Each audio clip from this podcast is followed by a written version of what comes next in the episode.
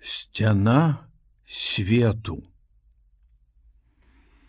Калі маці пачала пакідаць пячору і хадзіць на паляванне, Ваўчок ужо зразумеў закон, які забараняў яму набліжацца да выхаду з логава. Закон гэты шмат разоў нушала яму маці, штурхаючы яго то носам, то лапай, ды у ім самім пачынаў развівацца інстынкт страху. За ўсё сваё кароткае жыццё ў пячоры ён ні разу не спаткаў нічога такога, што магло спалохаць яго. І ўсё ж ён ведаў, што такое страх. Ён перайшоў да ваўчка ад аддаленых продкаў праз тысячу жыццяў. Это была спадчына, атрыманая ім непасрэдна ад аднавокага і ваўчыцы. Але і да іх у сваю чаргу праз усё пакаленне ваўкоў, якія былі да іх перайшоў страх, спадчына лясной глушы. Такім чынам шэры ваўчок ведаў страх, хоць і не разумеў яго сутнасці. Магчыма, што ён прымірыўся з ім як з адной з перашкод, якія ставіць жыццём.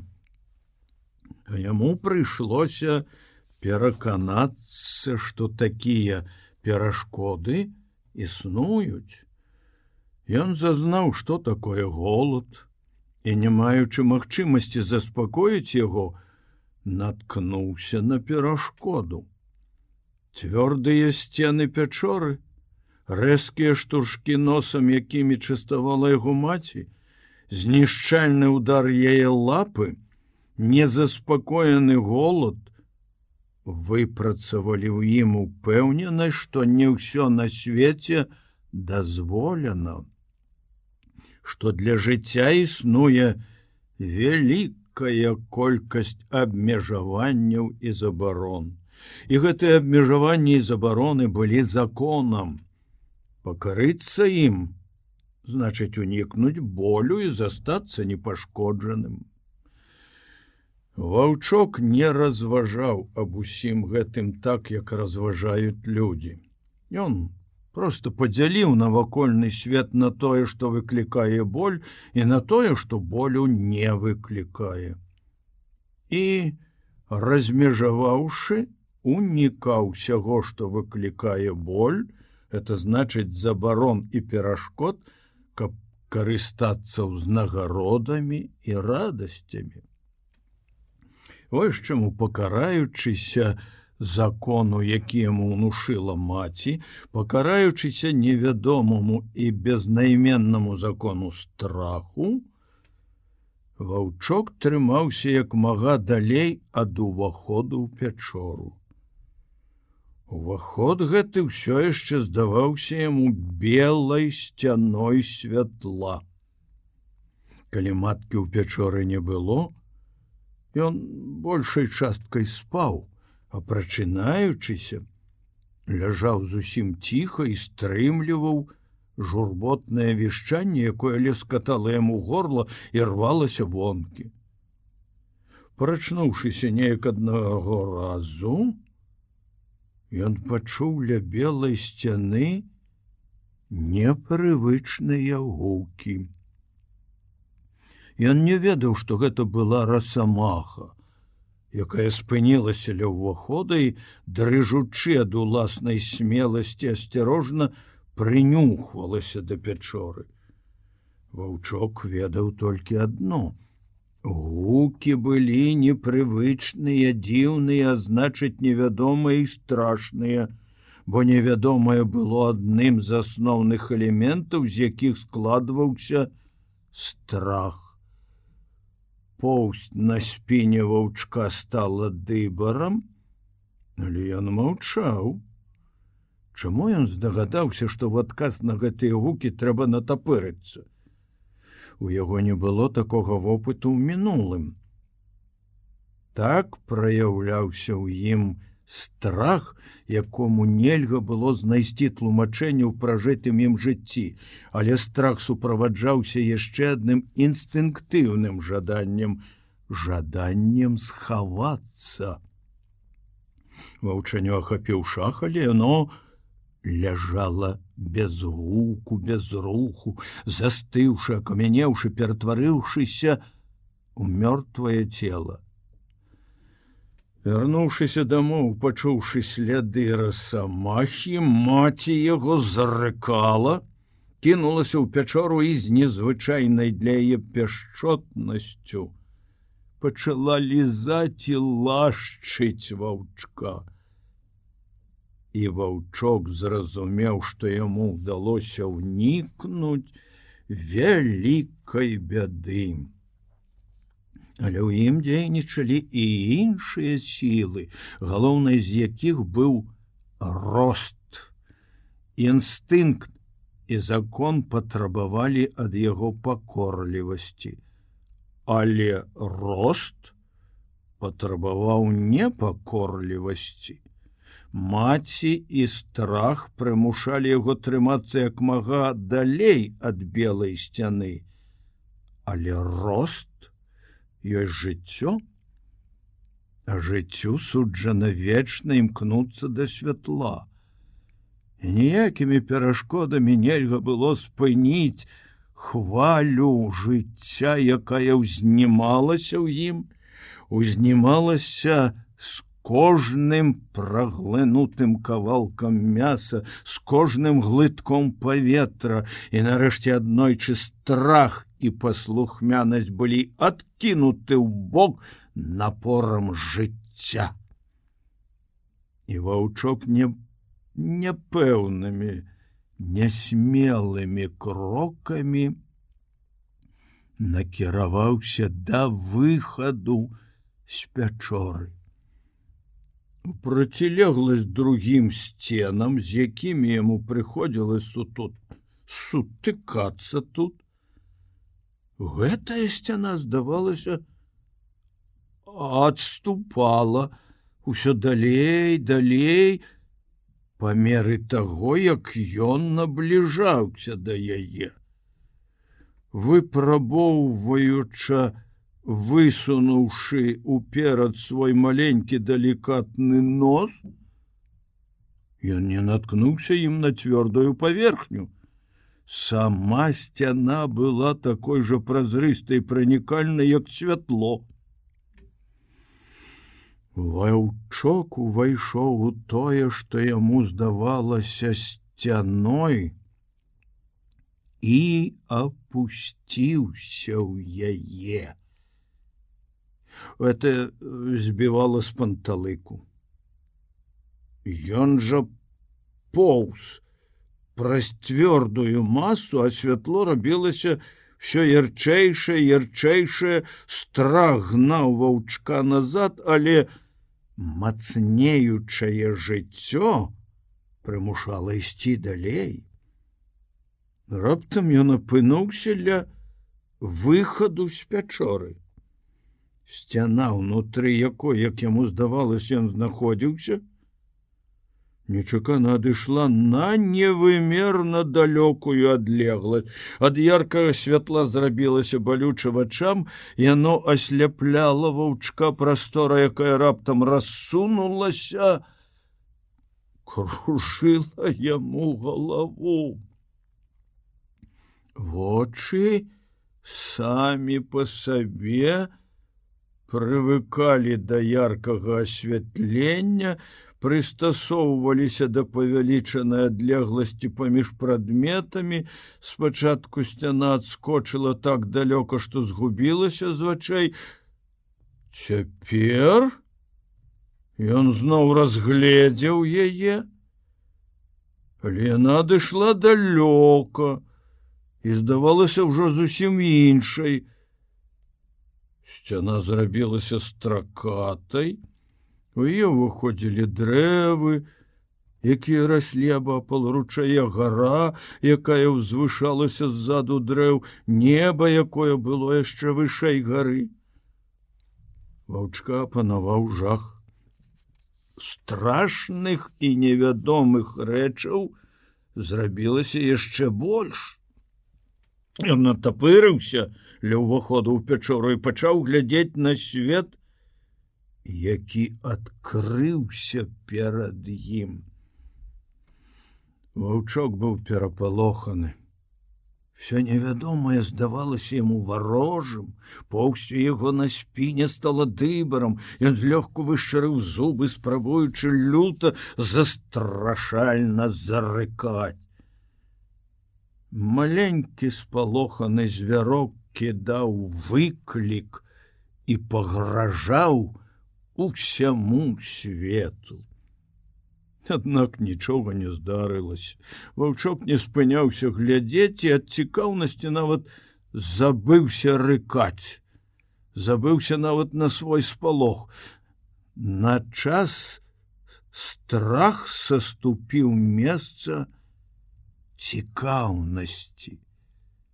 Ваўчок пачаў адрозніваць бліжэйшыя прадметы адкрытую частку ручая, што мігцеў на сонцы, засохлую хвою каля адкосу, сам адкос, які прама ўзнімаўся да неба ў якіх-небудзь двух футах ад пячоры ля ўвахода, у якую ён прымасціўся.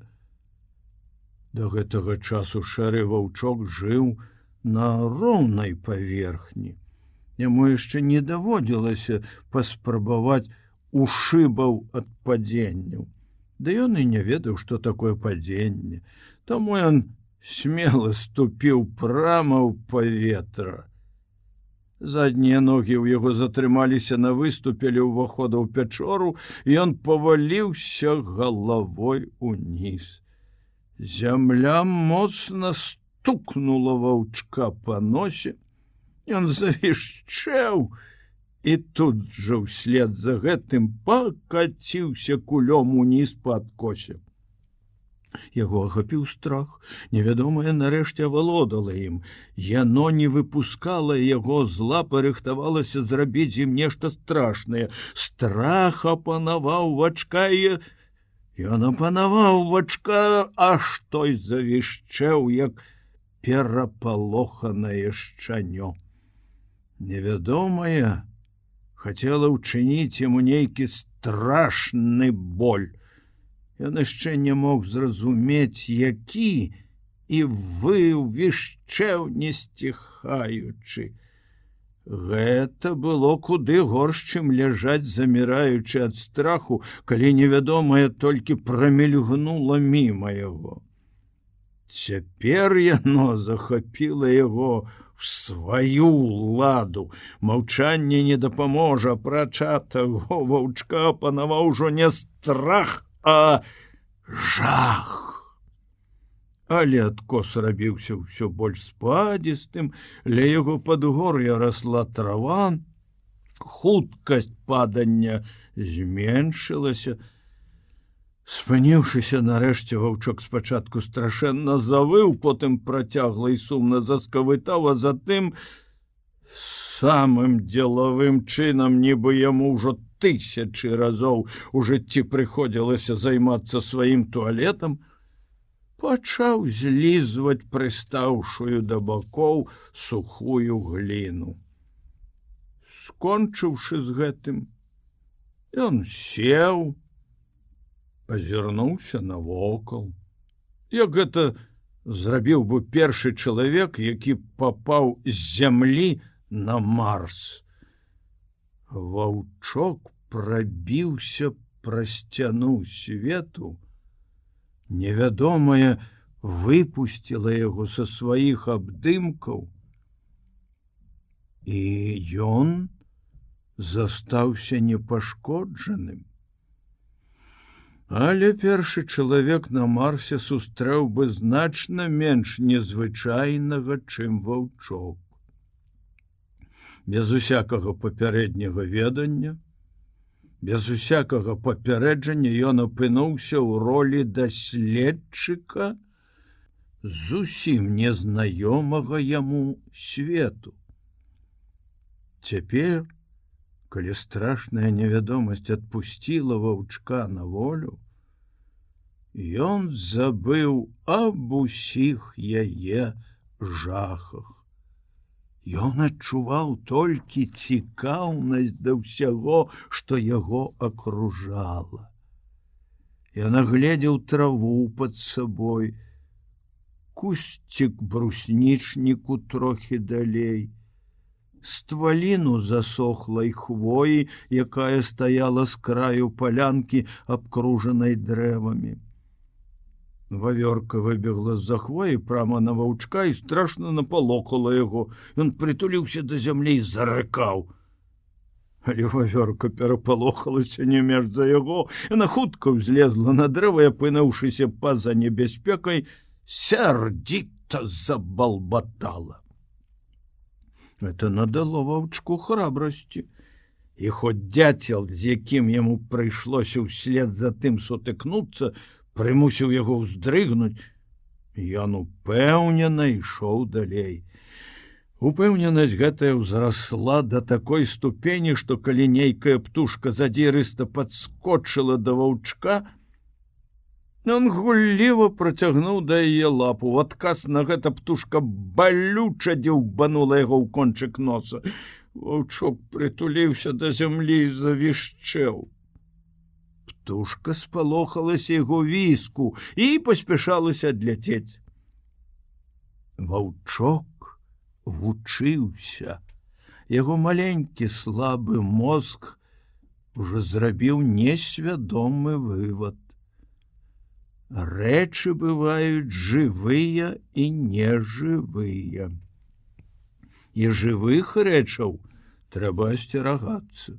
Нежывыя заўсёды застаюцца на адным месцы, а жывыя рухаюцца і ніколі нельга ведаць загадзя, што яны могуць зрабіць. Ад іх трэба чакаць всякихх нечаканасцей быць да ўсяго гатовым. Ваўчок рухаўся вельмі нязграбна. Ён натыкаўся на сукі, на іншыя рэчы. Галінка, якая на першы погляд здавалася была на вялікай адлегласці ад яго, сцябала яго па носе, абдзірала бакі. Паверхня была няроўная. Часам ён спатыкаўся, збіваў нос, Не менш часта ён astупаўся і біў лапы. Апрача таго, трапляліся дробныя вялікія каменні, якія пераварочваліся, як толькі ён наступаў на іх. Тут ваўчок зразумеў, што не ўсе нежывыя рэчы знаходзяцца ў стане ўстойлівай раўнавагі, як яго пячора. Выявілася таксама, што маленькія нежывыя рэчы значна часцей падаюць і пераварочваюцца чым вялікія. І ваўчок з кожнай памылкай даведваўся ўсё больш і больш. Чым далей ён ішоў, тым лепш у яго гэта атрымлівалася. Ён прыстасоўваўся, вучыўся разлічваць свае рухі, прыладжвацца да сваіх фізічных магчымасцей, вымяраць адлегласць паміж рознымі прадметамі, а таксама паміж імі і сабой. Шчасце, якое не пакідала навічкоў, не здрадзіла і ваўчку. Народжаны, каб зрабіцца паляўнічым за дзічынай, хоць сам ён не ведаў гэтага, Ваўчок натрапіў на дзічыну адразу каля пячоры ў першую ж сваю вылазку ў свет. Майстэрскі схаванае гняздо курапаткі трапілася ваўчку толькі дзякуючы яго ж уласнай нязграбнасці. Ён упаў на яго. Паспрабаваў прайсціся па стваліне хвоі, якая павалілася. Гнілая кара падалася под яго нагамі ваўчок са страшэнным выццём сарваўся з круглай стваліны зваліўся на куст і праляцеўшы праз лісцёй галінкі апынуўся прама ў гнездзе дзе сядзелі сем птушанят курапаткі. Яны запішчалі ваўчок спачатку спалохаўся Затым заўважыўшы, што птушаняты зусім маленькія, Ён пасмялеў. Птушаняты рухаліся. Ён прыціснуў аднаго лапай, той заварушыўся яшчэ мацней. Ваўчку гэта вельмі спадабалася. Ён абнюхаў птушанё, узяў яго ў рот. Птушанё білася і ласкатала яму язык. У тую ж хвіліну ваўчок адчуў голод. Пашчэнкі яго сціснуліся. Далікатныя костачки хрустнули цёплая кроў побегла ему ў рот и она оказалася вельмі смачной это была дзічына такая ж дзічына якую яму приносила маці толькі значна смачнейшая тому что яна была живая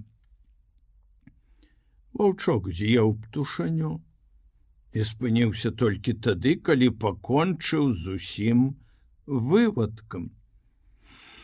Пасля гэтага ён аблізнуўся, як гэта рабіла яго маці і пачаў выбірацца з куста.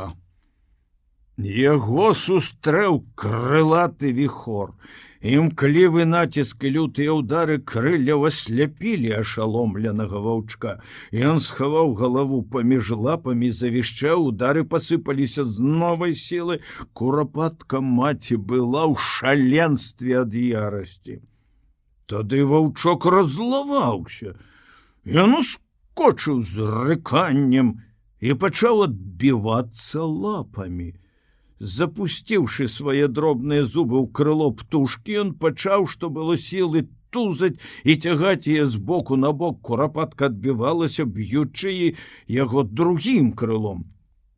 Гэта была першая бітва ваўчка он не памятаў сябе от узбуджэння ён забыў увесь свой страх перад невядомым і ўжо нічога не баяўся Яны рваў і біў жывую істоту, якая наносіла яму удары.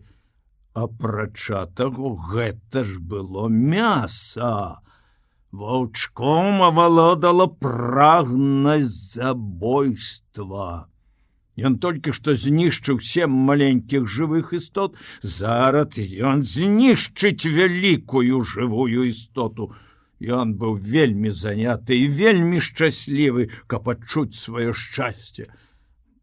Ваўчок увесь дрыжаў ад узбуджэння, якога да гэтага часу яму ніколі не даводзілася пераносіць. Ён не выпускаў крыла і рыкаў праз сціснутыя зубы.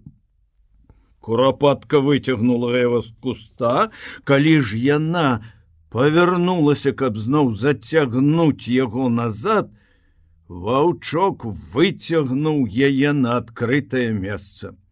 Птушка крычала і біла яго свабодным крылом. Пер яе разляталася па паветры, як снежныя шматкі. Ваўчок ужо не памятаў сябе ад ярасці. Ваяўнічая кроў яго продкаў узнялася і забушавала ў ім. Сам таго не заўважаючы, Ваўчок жыў гэты момант поўным жыццём. Ён выконваў прызначаную яму ў жыцці ролю, рабіў тую справу, для якой быў народжаны, забіваў здабычу і біўся, перш чым забіць яе. Ён апраўдваў сваё існаванне, выконваючы вышэйшае прызначэнне жыцця, Таму што жыццё дасягае сваіх вяршынь у тыя хвіліны, калі ўсе яго сілы накіроўваюцца на выкананне пастаўленых перад ім мэт. Праз некаторы час птушка перастала змагацца. Ваўчок все яшчэ трымаў яе за крыло. Яны ляжалі на зямлі і глядзелі адзін на аднаго. Ён паспрабаваў люта і пагражаючы зарыкаць. Курапатка дзеўбанула яго ў нос, які ўжо пачынаў балець ад усякіх папярэдніх прыгод. Ваўчок уздрыгануўся ад болю, але не выпусціў крыла. Птушка дзеўбанула яго яшчэ яшчэ раз. Ён завішчэў, падаўся назад, не ўцяміўся, што разам з крылом цягне за сабой усю птушку. Град удараў пасыпаўся на яго нос, які ныў ад болю, ваяўнічы запал, ваўчка згас ён выпусціў здабычу і з усіх ног пусціўся на ўцёкі. Ён прылёг адпачыць на другім баку палянкі каля хмызняка і ляжаў там, высунуўшы язык і цяжка дыхаючы. Нос, Нос яго ўсё яшчэ балеў. Ваўчок жаластліва вішчэў. Раптам ён пачуў, што на яго насоўваецца нешта страшнае. Невядомае з усімі сваімі жахамі навалілася на ваўчка, і ён інстынктыўна адскочыў пад абарону куста. У тую ж хвіліну на яго павеяла ветрам, Ён убачыў вялікае крылатае цело ў злавесным маўчанні пронеслася мимо куста. Ястраб, які кінуўся на ваўчка зверху прамахнуўся. Пакуль ваўчок ляжаў под кустом і па крыху прыходзіў да памяці ад страху, пачынаў баязліва выглядваць адтуль. На другім баку палянкі, Са спустошанага гнязда выпархнула курапатка. Гора страты прымусіла я забыць аб крылатай маланцы нябёс. Але ваўчок усё бачыў, і гэта было для яго засцярогай і урокам. Ён бачыў, як ястраб каменем зваліўся ўніз, пранёсся над зямлёй амаль закранаючыя целам, усадзіў кіпцюры курапатку, якая закрычала ад смяртэльнага болю і жаху і ўзняўся ў вышыню, уносячы птушку з сабой. Ваўчок доўга не выходзіў са свайго сховішча. Ён многаму навучыўся. Жывыя істоты, гэта мяса. Яны прыемныя на смак, але вялікія жывыя істоты прычыняюць боль. Лепш за ўсё есці маленькіх, таких як птушаняты курапаткі.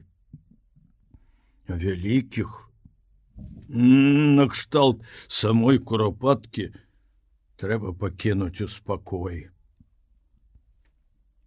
і ўсё ж ён адчуваў укол самалюбству. У ім таілася жаданне яшчэ раз схапіцца з вялікай птушкай. Шкада, што ястраб панёс яе, А можа быць, знойдуцца іншыя курапаткі.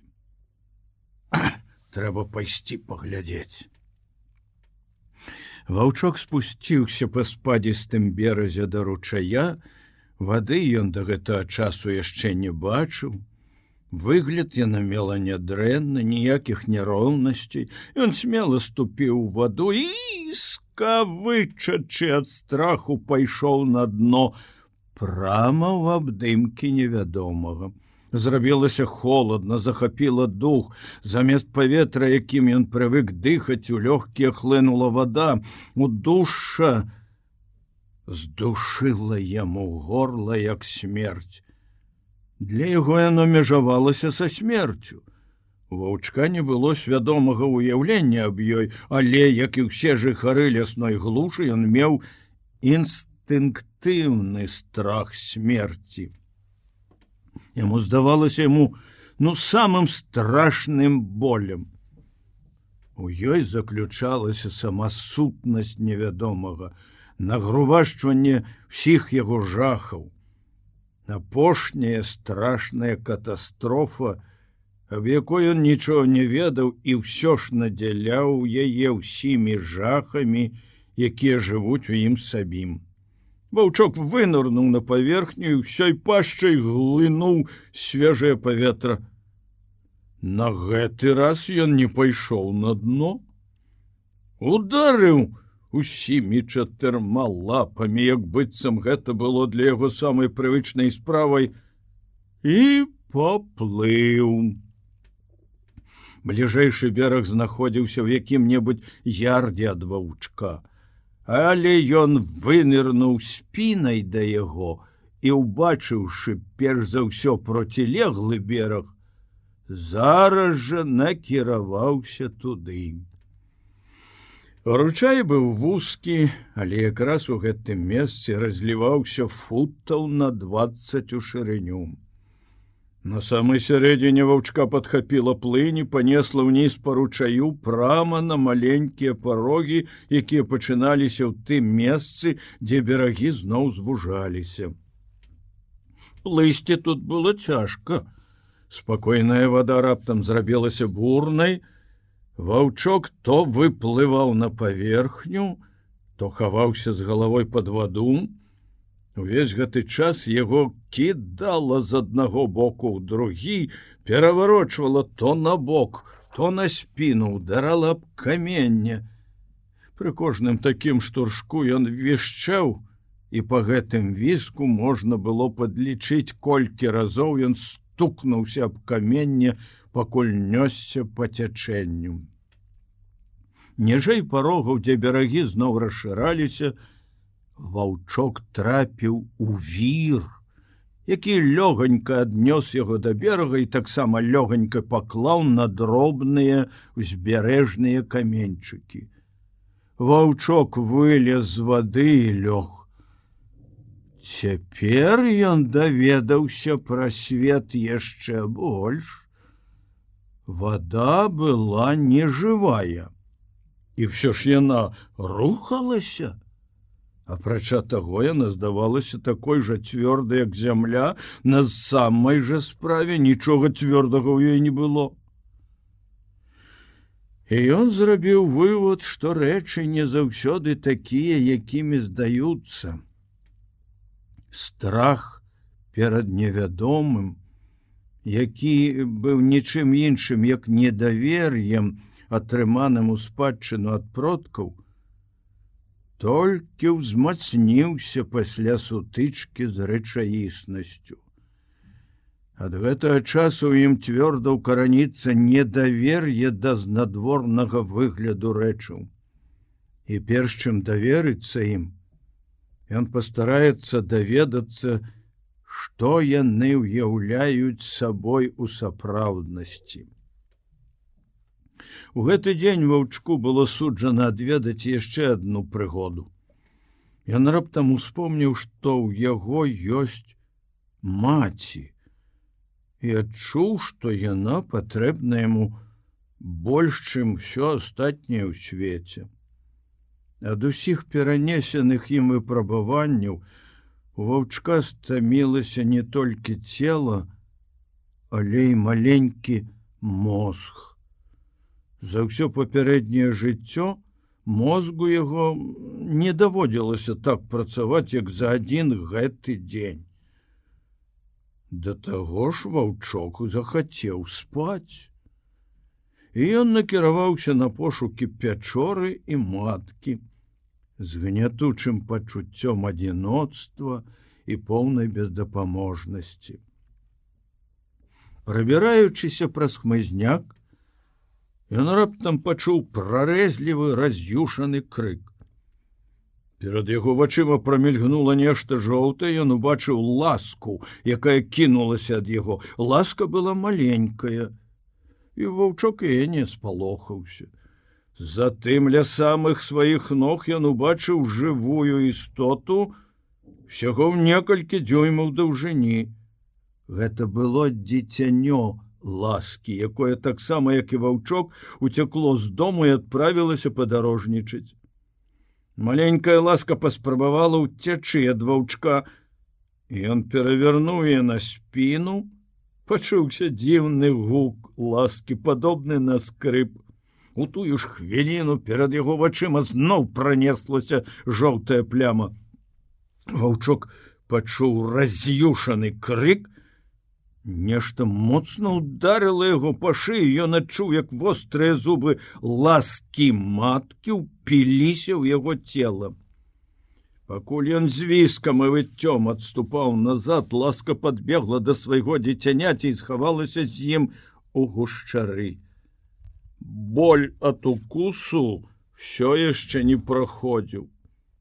Але боль от крыўды даваў аб сабе адчуць яшчэ мацней.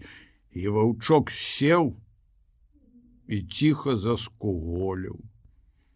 Ласка матка была такая ж маленькая акусалася балюча ваўчку трэба было даведацца што нягледзячы на свае памеры і сваю маленькую вагу ласка адзін з самых лютых мсцівых і страшных драпежнікаў лясной глушы. Ваўчок яшчэ не перастаў скуголіць, калі ласка маці зноў з'явілася перад ім. Яна не кінулася на яго адразу, таму што дзіцяня было па-за небяспекай. Ласка асцярожна набліжалася да ваўчка так што ён мог разгледзець і тонкае змеенае цело і высока паднятую галаву рухомую як у змяі. Яна падыходзіла ўсё бліжэй і бліжэй.